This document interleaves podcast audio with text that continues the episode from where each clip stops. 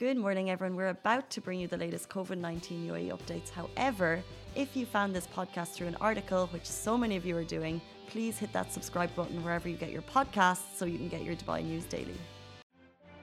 Good morning, Dubai. Welcome back to the Lovin Daily. Happy Sunday. Today we're talking about fake COVID 19 charity cases. We're talking about the fake excuse me, the fatal bus crash. Dubai uh, family victims of that are pushing forward with authorities.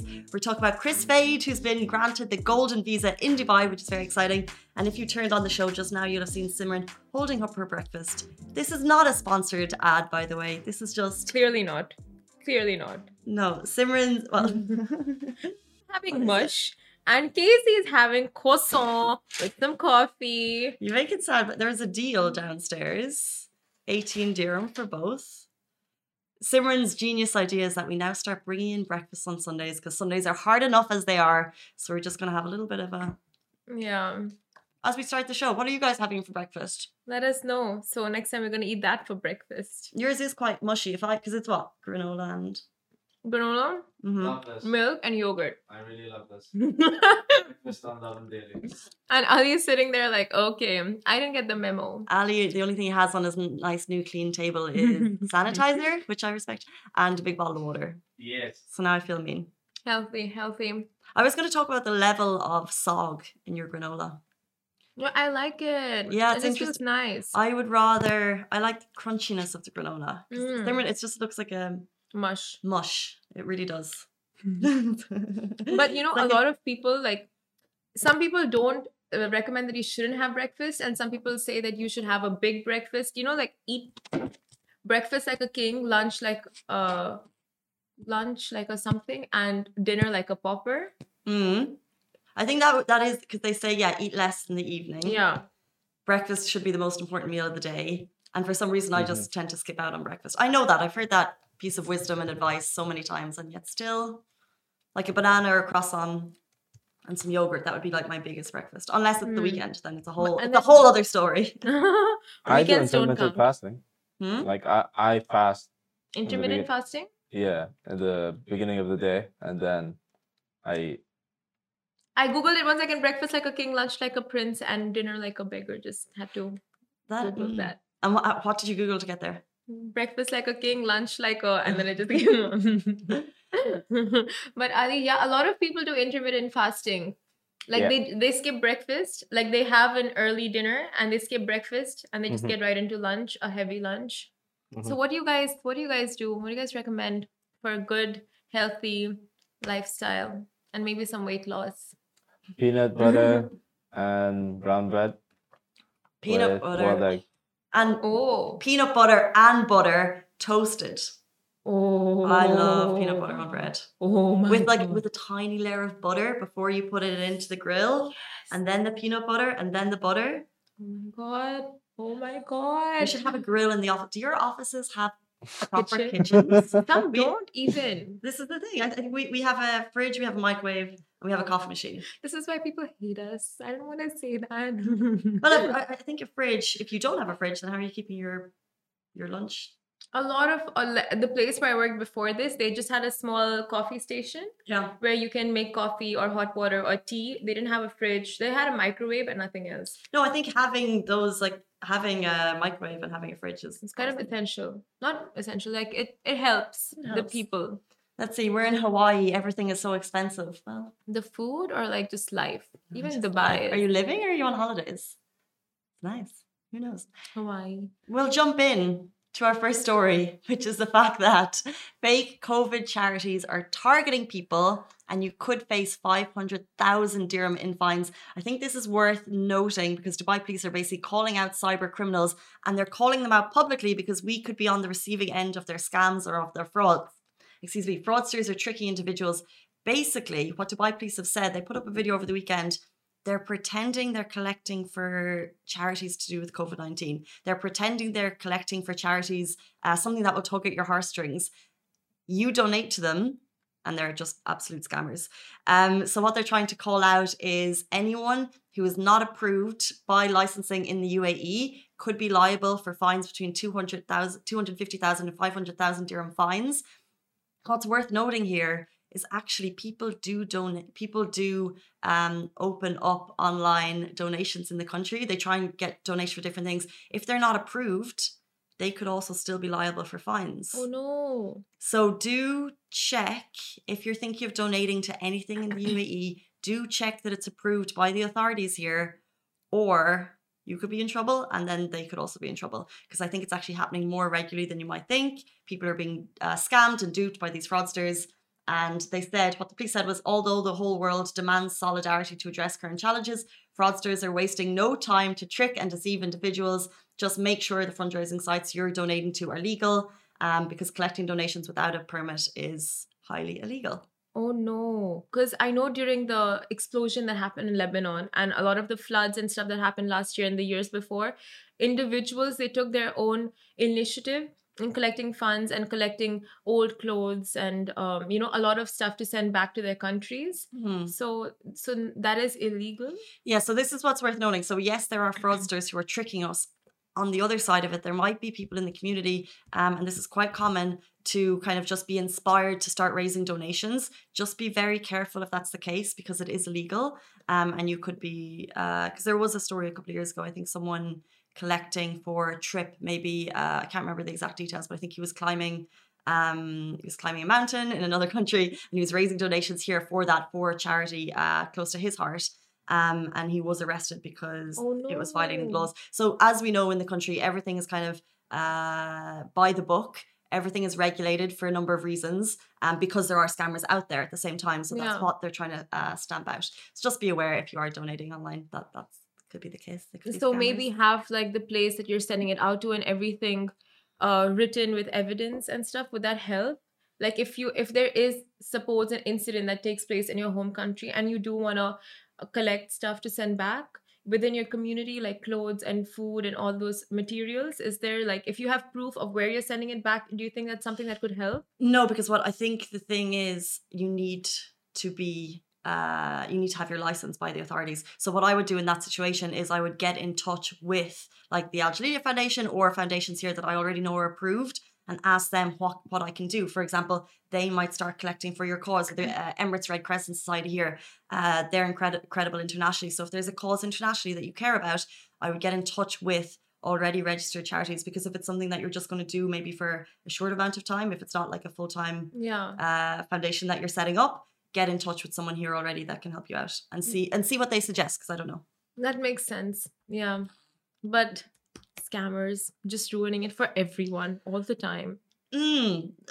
Like I got an email the last day after I made my Amazon order, and I know we spoke about this before, and it's just this email scam that I hate. But I made an order on Amazon, and then uh, later on in the day, I got an email from a scam place saying your Amazon order is coming. Just pay this one ninety nine uh, ship and collect or whatever it was. And that's how Taz in our office, we've spoken about this before, that's how Taz got done. And it was like hundreds of dirham that she was like, oh, I just need to pay for the delivery fee. Yeah. $1.99.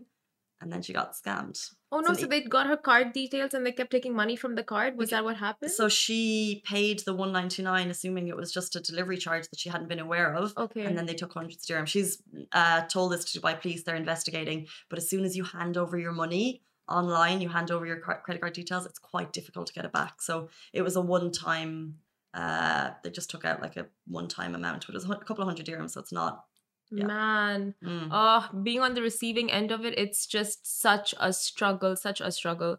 And I know uh, there are so many companies as well that are like that that are scam scamsters like full of scamsters like the concept is uh, of scamming people.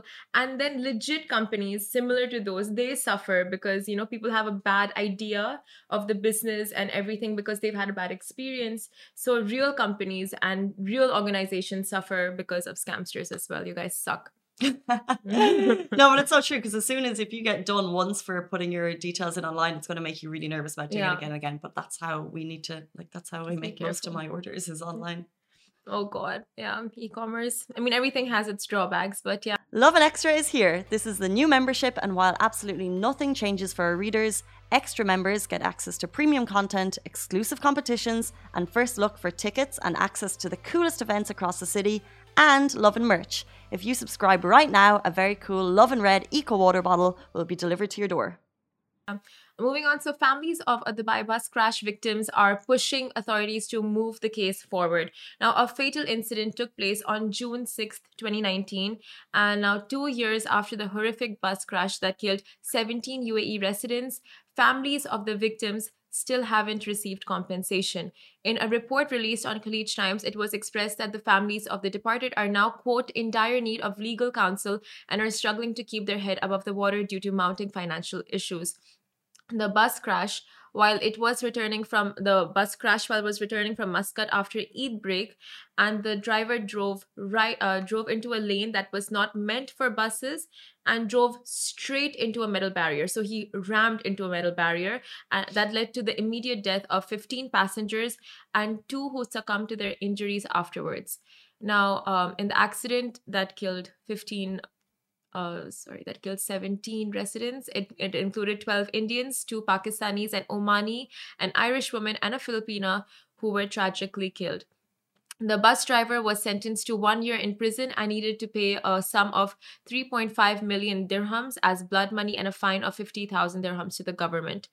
Now, um, it is so tragic, and families of the families have lost their sole breadwinners in the accident and are financially struggling to cope and have voiced their um, they have voiced their feelings and they have they're trying to seek legal counsel right now. They uh, reached out to Khaleej Times and a bunch of other government entities as well.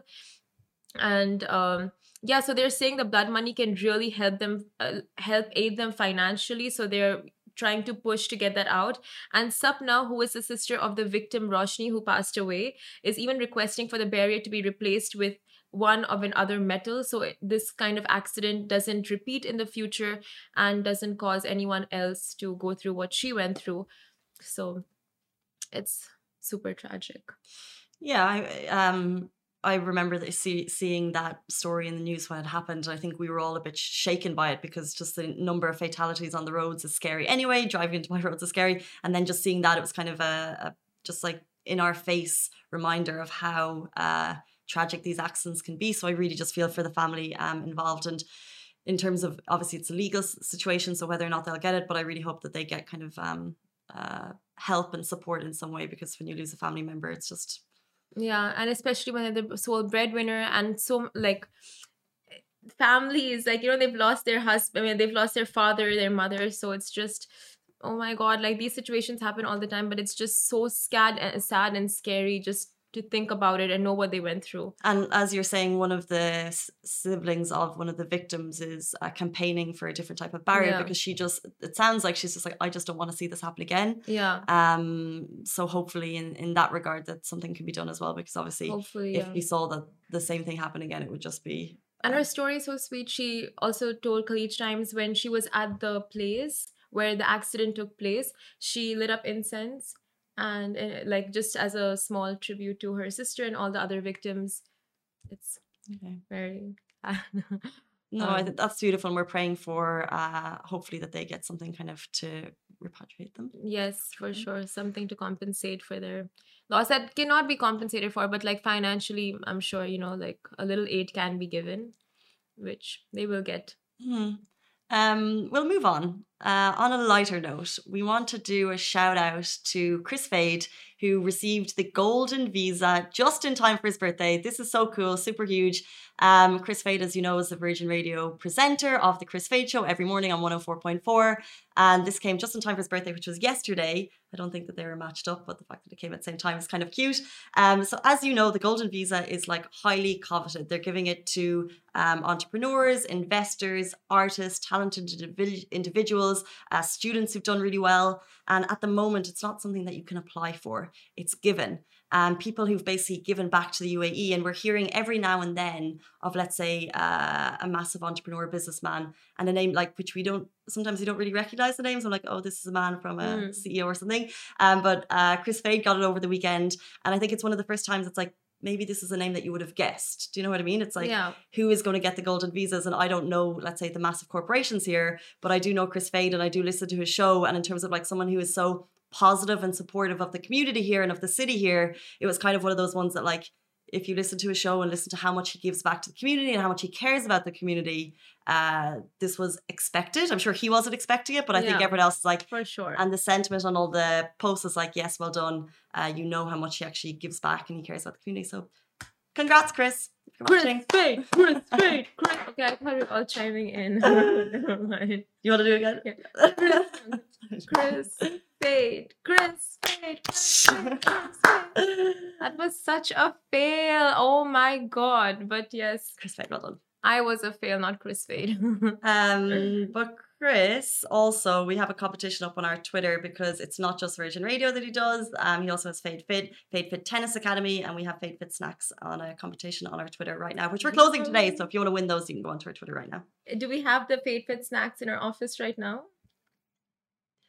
This is the tricky thing. So Kris actually sent them over for us. Yeah. and you know like there was like let's say four bags so then we were like okay well one bag went around and the rest he said he's going to continue sending because he didn't want it for a competition by the way um but we just do a lot of competitions so this is this is the way they went so ali got a bag uh some of us got a bag and then the rest were put in the competition but now they're just sitting there waiting to be given back and it's like oh i want one But- delicious, by the way. But it's so Yeah. popular. His snacks are so popular. So making it a competition is like, you know what? We are giving back to the community. we are so good we are just giving and Honestly, we just give and we give and we give. and what do we get for breakfast mush You didn't even take a bite of yours. i did Oh, was it during the show? uh It i actually right in the beginning. Okay, because after that, I just didn't see her touching it. I'm like, oh. You know, I started it and then I was like, it's actually quite a hard thing because there's already. Um, Mm. I came into the studio this morning and it's absolutely spotless, and I've already got croissants and stuff everywhere, so it's not ideal for the show. But So I think we need to stick to food that is, uh, you know, less of a mess maker, like my bowl of mush. whatever you want to eat for breakfast. One of mush. What's inside it? Granola, yogurt, and milk.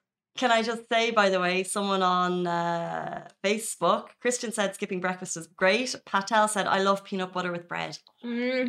Mm-hmm. Mm. Guys, give us more breakfast options. We're gonna keep getting it every Sunday.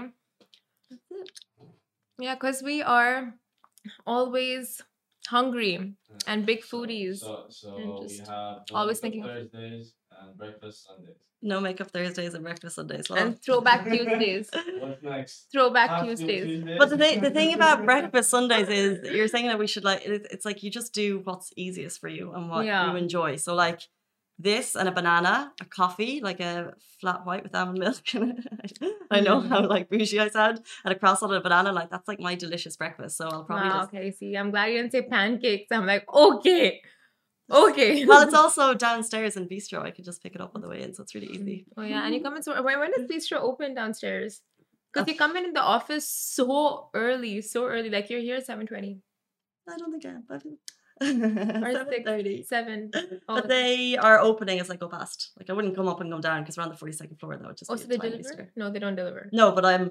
Uh, I go in and they've opened the doors and everything. Oh. They're ready, Yeah, they're, Yeah. they're open from seven thirty. and the croissants smell as you, like every other single morning. I'm just like, Because smells they, so good. 'cause they make, they make it It smells nice. It smells It's out nice. yum. It's just uh, that's it. Whenever you walk past anywhere with that smell, it's just like I need to get one. Where was it last day? French bakery, Paul's. Shout outs to all the shout outs to all the Even, bakeries. even Marks and Spencers. I know it's just a store, but I'm just like, oh my god, it smells so good there. Really? Mm. Marks and Spencer. Yeah. I love their chocolate. They have this this this this chocolate that they have. It's with with, with milk inside it. It's, As in a chocolate that you get in the deli there, or just one that they sell. I think the one that they sell. Um, They have good food. They have some good. The ones in the UK, oh my god. People literally only buy food from Marks and Spencer in the UK because it's so good. And they have such a massive collection. I think you have a big bank balance if you're buying it only from Marks and Spencers, but Mhm. yeah. Yeah, that's true. But the almond croissants, I got one there at the weekend. It was delish. Anyway, on that note, guys, there is our Sunday morning show. We're back with you every single weekday morning. Bye bye from me. Peace. Guys, that is a wrap for the Lovin Daily. We are back same time, same place every weekday morning. And of course, don't miss the Lovin Show every Tuesday where I chat with Dubai personalities. Don't forget to hit that subscribe button and have a great day.